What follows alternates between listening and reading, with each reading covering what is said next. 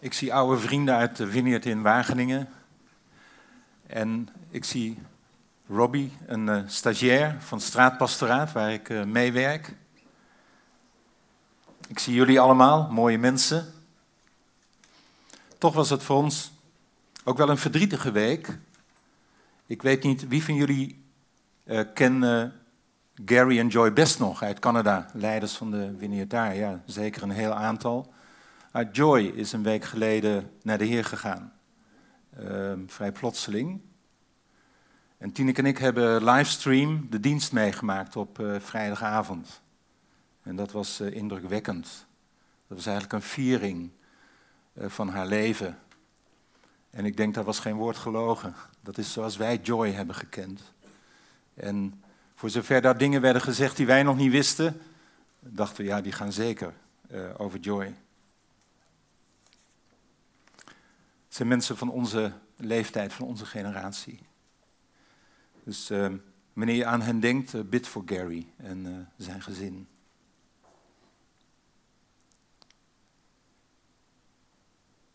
Of laten we dat nu even doen. Vader, dank u voor alle goeds wat u ons hebt gegeven door Gary. En speciaal ook door Joy. Dank u Heer dat zij bij u is en we bidden voor Gary en zijn gezin. Troost hen, Heer, in het verdriet om het verlies van Joy. Heilige Geest, troost hen. In Jezus' naam. Amen. Ik heb een vraag voor je. Uh, wie of wat is uh, tegen je? Kun je omschakelen? Wie of wat is tegen je?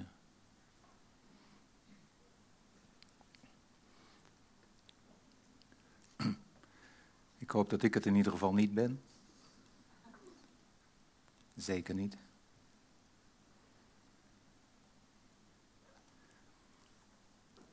Houd dat in gedachten tijdens de preek. We zijn nog niet bekomen van de eerste vraag of de tweede is er al. Misschien is die makkelijker te beantwoorden. Kun je zwemmen? Uh, ja, kun je zwemmen? Wie, wie hier kan zwemmen? Uh, bijna iedereen. We zouden jullie allemaal in het diepe kunnen gooien. Ik groeide op in Sneek in Friesland tussen de meren. En ik was vaak op het water te vinden. Echte waterrad. En ik zeilde met mijn vrienden ook als tiener. En als er het warm was en er stond uh, geen wind, uh, dan gingen we allerlei gekke dingen in ons hoofd halen. En zo viel ik een keer voor de grap overboord en ik deed alsof ik verdronk. En toen kreeg ik water binnen en toen was ik eigenlijk aan het verdrinken. En mijn vrienden dachten dat ik het zo goed speelde, die kwamen niet meer bij van het lachen. Ze hadden ze slappe lach. Ik ging kopje onder en kwam weer boven. En weet je, zelfs als het niet waait, drijft een boot harder dan je kunt zwemmen. Jaren geleden, ik ben het blijkbaar niet vergeten, was er op EO-televisie een interview van Henk Binnendijk met Henk de Velde, dat is een zeezeiler. En het uh, interview was nog niet zo lang aan de gang en uh, uh, Henk Binnendijk zei, je kunt zeker wel goed zwemmen. Toen zei hij, nee, ik zwemmen, nee, ik kan niet zwemmen. Waarop Henk Binnendijk uiterst verbaasd keek, waarop Henk de Velde antwoordde, ooit gehoord van een piloot die kan vliegen.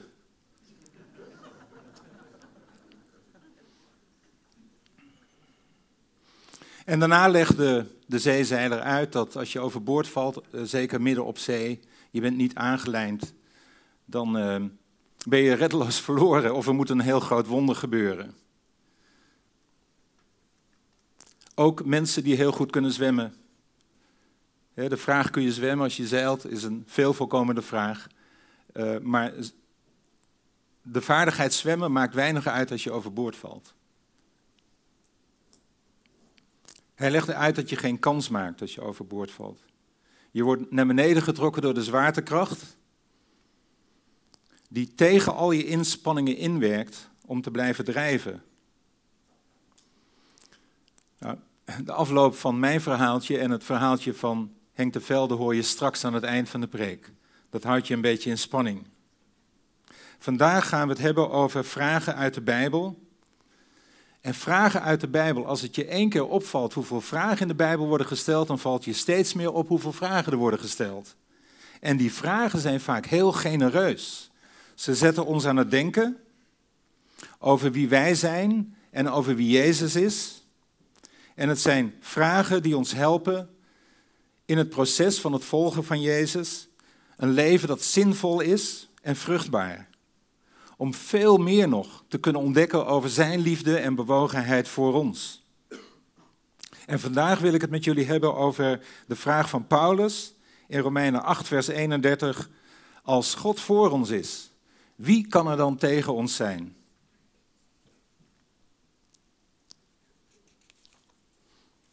Nog een vraag. Heb je veel brieven geschreven? Schrijf jij nog steeds brieven? Wie schrijft nog steeds handgeschreven brieven? Ja, er is een. Ja, mooi. Mag ik hem lezen? Tienek en ik, toen we verkering kregen, schreven elkaar brieven. Ik bedoel, het was nog in de tijd voor e-mail en alle andere uh, multimedia. Dus op zondagavond uh, kusten we elkaar weer vaarwel. En op maandag schreef ik vaak een brief. En op dinsdag belde ik naar haar, een vaste telefoonlijn, um, of de brief was aangekomen.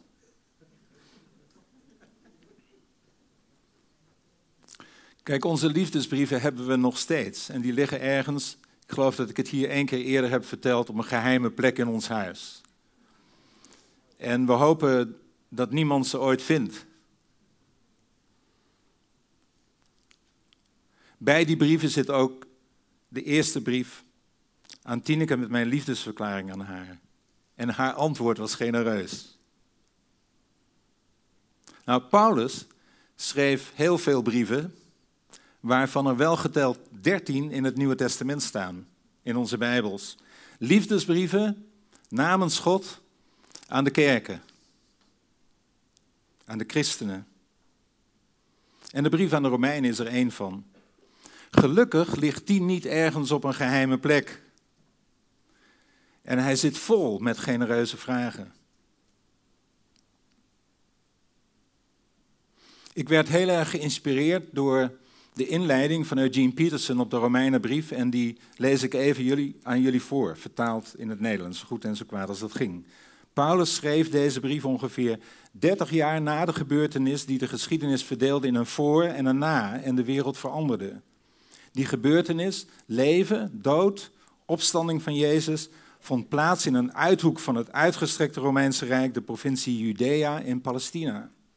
Het viel bijna niemand op, zeker niemand in het drukke en machtige Rome, het toenmalige centrum van de wereld. En toen deze brief aankwam in Rome, las bijna niemand hem. Zeker niemand van invloed. Er was veel te lezen in Rome. Keizerlijke decreten, prachtige poëzie, verfijnd vervaardigde morele filosofie, veel ervan was van wereldklasse.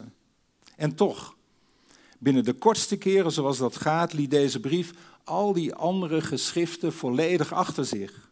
De brief van Paulus aan de Romeinen had een veel goed, grotere invloed op zijn lezers dan alle geschriften van al die Romeinse schrijvers bij elkaar. De snelle opkomst van deze brief, een stijging tot grote hoogte qua invloed, is buitengewoon. Geschreven als hij was door een onbekende Romeinse staatsburger zonder netwerk. Maar wanneer we de brief lezen, worden wij ons ervan bewust dat het de brief zelf is, die werkelijk buitengewoon is. En dat de onbekendheid van de schrijver of lezers hem niet lang voor onbekend konden houden. De brief aan de Romeinen is een en al levendig en gepassioneerd denken. Paulus neemt het feit van leven, dood en opstanding van Jezus Christus, doordenkt alle gevolgen. Hoe kan het gebeuren dat in de dood en opstanding van Jezus de wereldgeschiedenis een totaal nieuwe richting insloeg? En dat op datzelfde moment het leven van iedere man, van iedere vrouw, ieder kind op onze planeet voor eeuwig werd beïnvloed. Wat betekent het dat Jezus redt? Wat zit hier allemaal achter?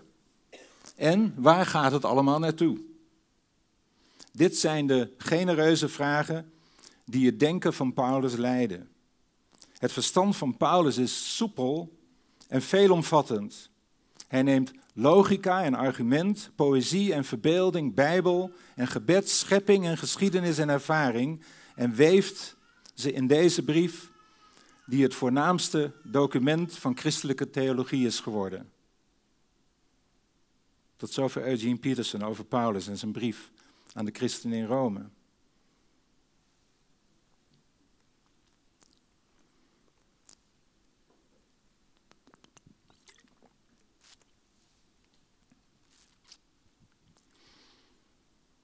Wanneer we bij hoofdstuk 8 aankomen, waar we het vandaag over hebben, heeft Paulus het over de tegenstand die wij ondervinden in het dienen van God in deze wereld. Over onze persoonlijke strijd tegen zonde, lijden. Anderen die ons vijandig gezind zijn. En over filosofen, waarden en prioriteiten in onze samenleving en in de politiek die ons tegenwerken. Om zo te zeggen, er woedt een oorlog tegen ons. En soms lijkt het een verloren strijd. Als we nederlagen lijden of worden verslagen, of zoals toen in Rome, dat de dood erop volgde, zoals voor zoveel anderen ook nog nu in onze tijd, in landen waar christenen worden vervolgd en gedood. Soms kunnen wij ons afvragen, is er iemand die helpt? Of worden we aan onszelf overgelaten? Staan we alleen in onze strijd om te vechten? Romeinen 8 is het genereuze antwoord op die vraag. De geest van het leven van Jezus Christus helpt ons. Wij omarmen, verwelkomen wat de geest in ons aan het doen is. De tegenwoordigheid van de persoon van Jezus Christus in ons. Het lijden van nu dat niet opweegt tegen de heerlijkheid van God die geopenbaard zal worden. Die Hij zal laten zien en doen beleven. En dan nog gevolgd door de eeuwigheid, de meest overwinnende plek die je je maar kunt voorstellen. Simon Ponsonby, een Britse theoloog en een hele goede vriend van de Vineyard, heeft een boek geschreven over de Romeinenbrief met 52 lezingen, preken die hij heeft gehouden vanuit de Romeinenbrief. En onze tekst van vandaag uit Romeinen 8, vers 31 is uitgerekend de titel van zijn boek. God is for us. God is voor ons. Uit onderzoek dat hij heeft gedaan, blijkt dat er heel wat mensen zijn die aan paranoia lijden. Ze denken dat iedereen tegen hen is, tegen hen samensweert, hebben allerlei complottheorieën. Er zijn zelfs veel mensen die bang zijn dat God tegen hen is. Dat God erop uit is hen te laten vallen. Zelfs veel christenen leven met een diepe knagende angst dat als ze ook maar een verkeerde stap zetten, God rampen op hun weg zendt. Of hun gebeden niet beantwoordt. Of hen op een een of andere manier zal laten leiden. Vaak worden deze gedachten dat God tegen je is gevoed door negatieve religieuze ervaringen. Of door hel en verdoemenis spreken. Alsof God ons op de vingers stikt, genoeg van ons heeft, ons niet meer kan verdragen, ons haat. Zeker, God haat zonde. Maar betekent dat ook dat hij zondaars haat? Het antwoord is nee. De Engelse theoloog John Stott schreef: God houdt niet van ons omdat Christus voor ons stierf. Christus stierf voor ons omdat God van ons houdt. En dit raakt aan de kern van het goede nieuws van het evangelie en ook aan de kern van Romeinen 8, het hoofdstuk van vandaag. Zoals we al zagen is Paulus een meester in het stellen van vragen, genereuze vragen, vaak retorische vragen. Het aantal vragen in zijn brief heb ik geteld. Ik weet niet of een van jullie mij het antwoord kan geven, maar laat ik je voor zijn. ruim 50 vragen in de Romeinenbrief. Jullie mogen me narekenen. Dan lees je de Bijbel tenminste. Eh, vrijwel alle genereuze, gulle, kwistige, royale, scheutige, vrijgevige vragen. En in dat gedeelte Romeinen 8, vers 31 tot 39 stelt Paulus alleen al zeven vragen. Laten we dat gedeelte gaan lezen. Romeinen 8, vers 31 tot 39. En ik voel me vrij om tussendoor alvast iets uit te leggen. Te beginnen met commentaar. Wat moeten we hier verder over zeggen? Dit is de eerste vraag. En die slaat terug op Romeinen 1 tot 7 hoofdstuk. Alles wat vooraf is gegaan in Romeinen 8. En Romeinen 8 gaat over het leven door de geest. De vraag is dus, wat zullen wij verder zeggen over het leven door de geest? Over redding, rechtvaardiging, vrijspraak. Nou, al dat moois wat God in petto heeft. De vraag die dan volgt is de vraag waar het vandaag met name over gaat. Als God voor ons is, wie zal er dan tegen ons zijn? En die wordt beantwoord met nog een vraag, een retorische vraag. Zal Hij die zijn eigen zoon niet heeft gespaard, ons met Hem ook niet alle dingen schenken? Opnieuw gevolgd door een vraag. Wie zal uitverkorene Gods beschuldigen, aanklagen? Gevolgd door een kort antwoord. God zelf spreekt hen vrij. Weer gevolgd door een vraag. Wie zal hem veroordelen? Gevolgd door een iets langer antwoord. Christus Jezus, die gestorven is, meer nog, die is opgewekt en aan de rechterhand van God zit, pleit voor ons. Weer gevolgd door een vraag. Wat zal ons scheiden van de liefde van Christus? En nog een vraag. Tegenspoed, ellende of vervolging, honger of armoede, gevaar of het zwaard? Gevolgd door een langer antwoord. Er staat geschreven, om u worden wij dag na dag gedood en afgevoerd als schapen voor de slacht. Maar we zegevieren in dit alles glansrijk, dankzij Hem die ons heeft liefgehad. Gevolgd door een uitroep. Paulus doet dat vanuit zijn tenen. Ik ben ervan overtuigd dat dood nog leven, engelen nog machten, nog krachten, heden nog toekomst, hoogte nog diepte, of wat er ook maar in de schepping is, ons zal kunnen scheiden van de liefde van God die Hij ons gegeven heeft in Jezus Christus onze Heer. In dit briljante spel van vraag en antwoord is de kernvraag, onze vraag van vandaag, de tweede vraag uit Romeinen 8, vers 31. Als God voor ons is, wie kan tegen ons zijn? Samengevat, is God voor ons? Een genereuze vraag. Nou, waaruit blijkt dat God voor ons is? Hoe is God voor ons? Dit is het genereuze antwoord. God is voor ons. Hij neemt onze plaats in. Hij zorgt voor ons. Hij bidt voor ons. En hij houdt van ons. Laten we daarna gaan kijken. Eerst is God voor ons. God neemt onze plaats in.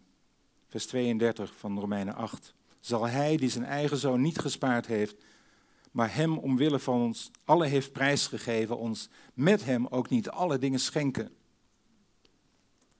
Dit is het hart waar Paulus voor staat, het hart van het goede nieuws, van ons geloof, dat God voor ons is. Er zijn zoveel verzen in het hele Nieuwe Testament die de dood van Jezus voor ons benadrukken, in onze plaats, als een vervanger voor ons. Nou, wat betekent dat nou precies, dat God onze plaats inneemt? Probeer je een rechtszaal voor te stellen met een rechter. En die rechter spreekt een vonnis uit, een doodsvonnis. En jij bent de beklaagde, de aangeklaagde, de verdachte. Hij spreekt zijn vonnis uit. En wij staan op het punt om te worden afgevoerd en te worden geëxecuteerd. En precies op dat spannende moment komt de rechter van zijn rechterstoel, neemt onze plaats in en wordt in onze plaats gedood. En wij gaan vrij uit.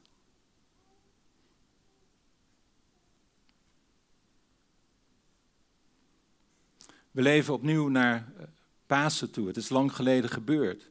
Het is goed om de betekenis te blijven beseffen.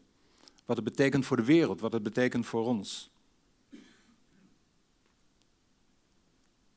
Omdat God onze plaats inneemt in zijn eigen plaatsvervangend lijden en sterven, kan er geen beschuldiging meer tegen ons worden ingebracht. Vers 33. Kan er geen aanklacht meer tegen ons worden ingebracht? Kan er geen veroordeling over ons worden uitgesproken? En kunnen wij niet van God worden gescheiden? De grote 20e eeuwse theoloog Karl Barth daagt ons uit om naar Jezus te kijken. Kijk nog eens naar Jezus Christus in zijn dood aan het kruis. Kijk opnieuw. Probeer te begrijpen wat hij deed en leed, dat hij dat deed en leed voor jou. Voor mij. Voor ons allemaal. Hij droeg onze zonde weg, onze gevangenschap, ons lijden. Hij droeg het niet voor niets. Het volgende punt is God voor ons. God zorgt voor ons, vers 32 zal hij die zijn eigen zoon niet heeft gespaard, maar omwille van ons allen heeft prijsgegeven, ons met hem ook niet alle dingen schenken. God die ons een zoon heeft gegeven, belooft ons met hem alle dingen te geven. Volledig voor ons te zorgen. En zijn generositeit komt voort uit zijn genade. We krijgen niet wat we wel verdienen, namelijk de doodstraf. En krijgen wel wat we niet verdienen, namelijk vrijspraak. En zijn tegenwoordigheid, zijn koninkrijk, redding, vergeving, eeuwig leven, de Heilige Geest. De gave van de Geest, de uitnodiging voor de bruiloft van Jezus, enzovoort, enzovoort, alles. Wij zijn zijn erfgenamen, nu en in de toekomst. Wat een geestelijke rijkdom is dat. Jammer dat het door sommige christenen wordt versmald tot materiële rijkdom, prosperity. En wordt vervreemd, wordt losgemaakt van het genereuze hart van de Vader, van zijn genade.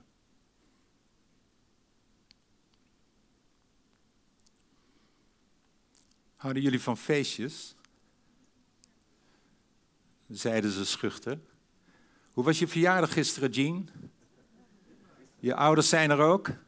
Wat kun je je nog meer wensen? Jammer dat je mij niet had uitgenodigd.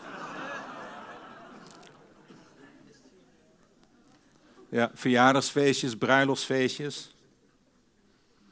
Wat gaat er vaak een voorbereiding in zitten? Hebben jullie gezien hoe moe Jean is?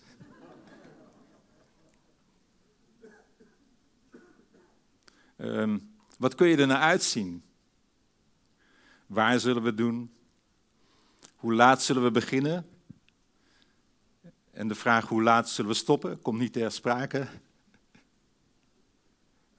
Wat is de verlanglijst van de jarige? Ben je verwend, Jean? Het feestvarken? Wat zullen we eten? Wat zullen we drinken? Weet je dat de eeuwigheid eeuwig feesten is? Denk daar eens over na. Iedere dag in de eeuwigheid is een dag om Jezus alle eer te geven. Uit je dak te gaan voor Hem. En Jezus is al 2000 jaar bezig om dat feestje, zijn bruiloftsfeestje, voor te bereiden. En hij heeft de engelen opdracht gegeven om alles tot in detail te regelen. De cadeaus, de bruiloftskleren, het eten en het drinken. Kosten nog moeite worden gespaard. Alle dingen zijn de engelen aan het regelen. Feest, hoofdletters. En dan is God voor ons, hij bidt voor ons, vers 34. Wie zal de uitverkorenen van God aanklagen? God zelf spreekt hen vrij. Wie zal hen veroordelen? Christus Jezus, die gestorven is, meer nog, die is opgewekt en aan de rechterhand van God zit, pleit voor ons, tegenwoordige tijd. Eerder, in vers 26, in de nieuwe Bijbelvertaling, de geest helpt ons in onze zwakheid. Wij weten immers niet wat we in ons gebed tegen God moeten zeggen, Maar de geest pleit voor ons met woordeloze zuchten. Jezus en de Heilige Geest zijn aan het bidden, nu. Deze vers hebben mijn kijk op gebed ooit helemaal veranderd. Bidden begint niet bij ons, begint bij God. Jezus pleit, de Heilige Geest pleit, zij pleiten. Tegenwoordige tijd. En ze pleiten niet tegen ons, het is geen strafpleiter. Nee, ze pleiten voor ons. Ze zijn advocaten. Zij pleiten vrijspraak. Dus nu, opnieuw, op dit moment zijn Jezus en de Heilige Geest voor ons aan het bidden. Ik weet niet hoe dat met jou is, maar soms wanneer ik bid heb ik de neiging om me heel erg alleen te voelen. Alsof ik de enige ben die bidt. Overgelaten aan mezelf. En dan heb ik het nodig om me opnieuw te realiseren dat Jezus en de Heilige Geest aan het bidden zijn. Weet je, die Bijbeltekst waar twee of drie in mijn naam zijn vergaderd, daar ben ik in hun midden. Ja, Jezus, de Heilige Geest en ik, dat zijn er al drie. Als in de kamer naast ons, waar je zo kunt binnenlopen en kunt meedoen. Ik las dat een Schotse heilige, Robert Murray McChain, zei: Als ik Christus kon horen in de kamer naast mij, zou ik voor nog geen miljoen vijanden bang zijn. En toch maakt afstand geen verschil. Hij is aan het bidden voor mij. Christus is nog steeds in de kamer naast mij en hij bidt voor ons. Hij leeft altijd om voor ons te pleiten. sterker nog, niet alleen in de kamer naast ons, maar in ons. Is God voor ons? God houdt van ons. Vers 35 en vers 38 tot 39. Wat zal ons scheiden van de liefde van Christus? Tegenspoed, ellende, vervolging, honger of armoede, gevaar of het zwaard? Paulus heeft het hier niet over speculatieve, theoretische, abstracte gebeurtenissen. Tegenspoed, ellende, vervolging, honger, armoede, gevaar, het zwaard. Hij heeft het allemaal meermalen meegemaakt. In zijn ijver om het koninkrijk van God zich te zien uitbreiden. Om het goede nieuws van Jezus Christus verder te vertellen.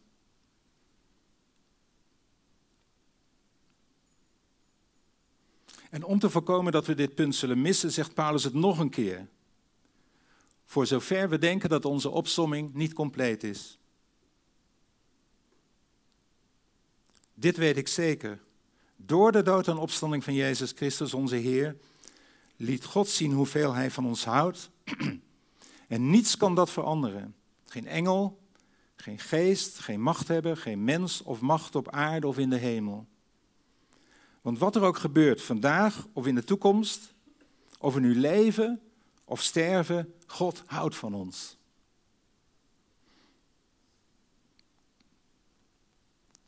Opnieuw het hart van het goede nieuws. We zijn geliefd door God. En, en laat je niks anders wijsmaken. En de opsomming van Paulus is, is allesomvattend. Niets en niemand uitgezonderd. Je kunt er geen spel tussen krijgen. Herinner je mijn vraag van het begin? Wie of wat is er tegen je? Je hebt daarin een eigen antwoord gevonden. Vul dat maar in. Het hoort erbij.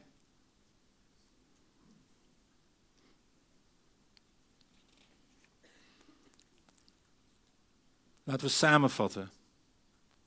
De genereuze vraag van vandaag is: als God voor ons is, wie zal er tegen ons zijn?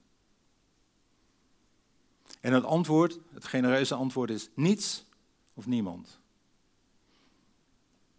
En de beknopte vraag, de vraag in beknopte vorm is God voor ons?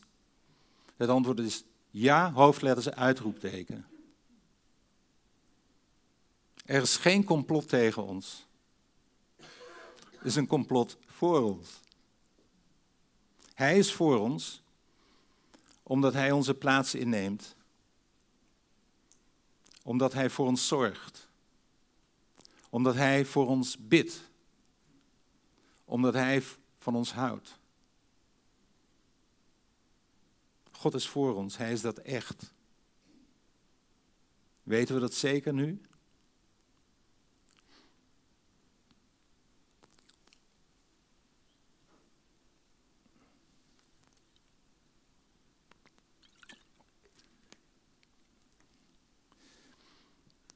Herinner je mijn verhaaltje van het begin?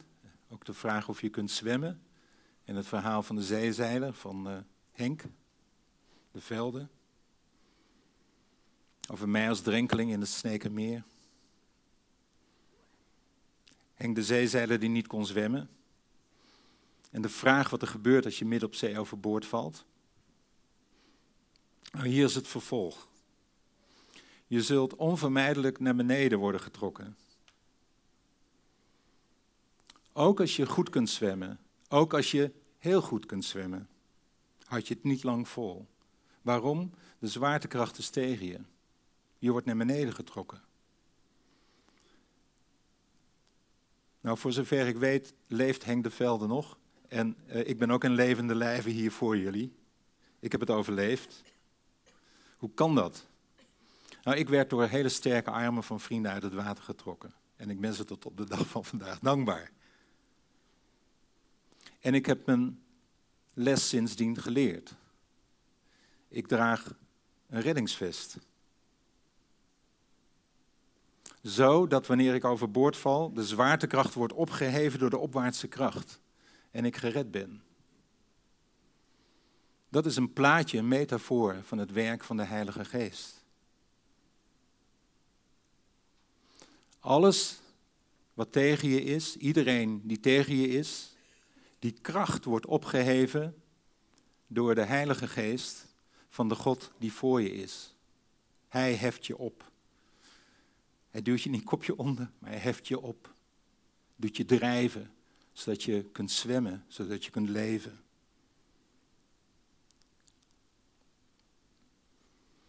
Een plaatje van zo'n reddingsvest is maar heel beperkt. Het, het is een ingebouwd reddingsvest. De Heilige Geest woont in je.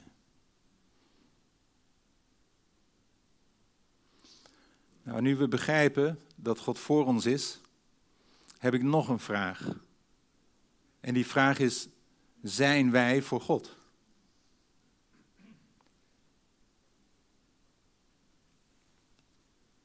En begrijp me goed, niet als voorwaarde om Hem voor ons te laten zijn. Zijn aanbod van voor ons zijn is zonder dubbele bodem. Zijn voor ons is wat genade is, gratis. We kunnen zijn voor ons niet verdienen. Er is geen enkele mogelijkheid dat we dat kunnen. We kunnen Jezus en de Heilige Geest omarmen in hun redding.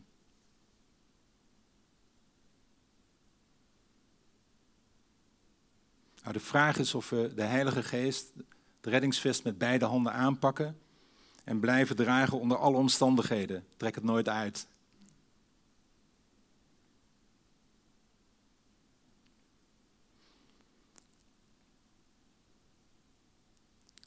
Als je naar Paulus kijkt en naar zijn leven, hierdoor was hij bereid alles op te geven.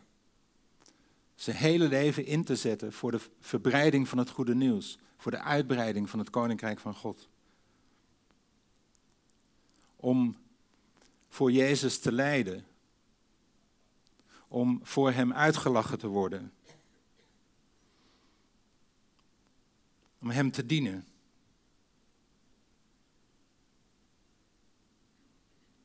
Om het goede nieuws verder te brengen. Zodat andere mensen ook die God leren kennen, die voor hen is.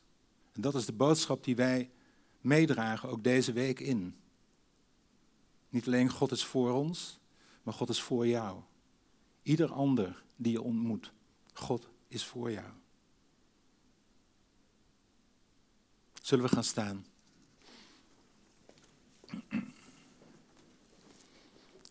Wil het aanbiddingsteam ook terugkomen?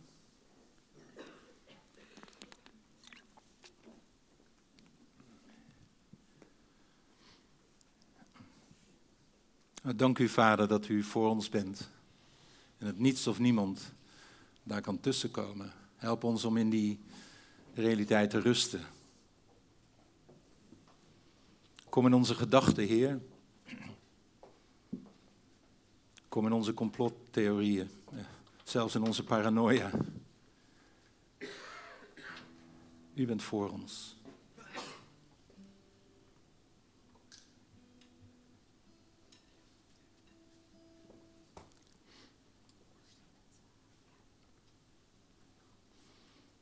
Het is dadelijk ook tijd dat je gebed kunt ontvangen.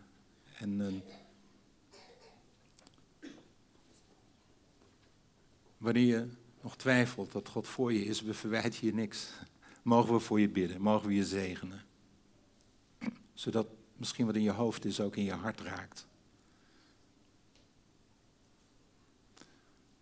Een andere vraag vanuit de preek is, wanneer je denkt dat God boos op je is. Misschien heb je het al gepakt gewoon tijdens de preek, maar kom anders. Mogen we voor je bidden. Zodat je het tegendeel zult ervaren.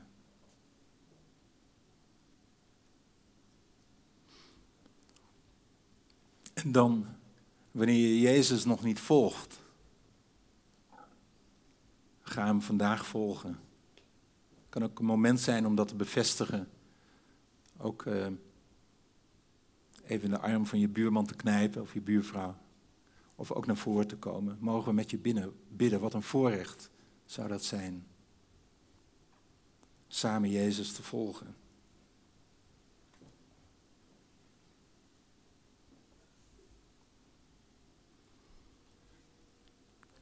Dus je mag naar voren komen. En als mensen komen, laten ook anderen komen om eh, te bidden en daarin te dienen. Een vrouw in ieder geval een vrouw bij een man een man. En het allerbeste is met z'n twee of z'n drieën. Ja? We opnieuw gaan aanbidden. En, mogelijkheid, en de mogelijkheid om voor je te laten bidden benutten. Dank u, Heilige Geest, voor uw aanwezigheid. uw aanwezigheid toenemen ook op dit moment.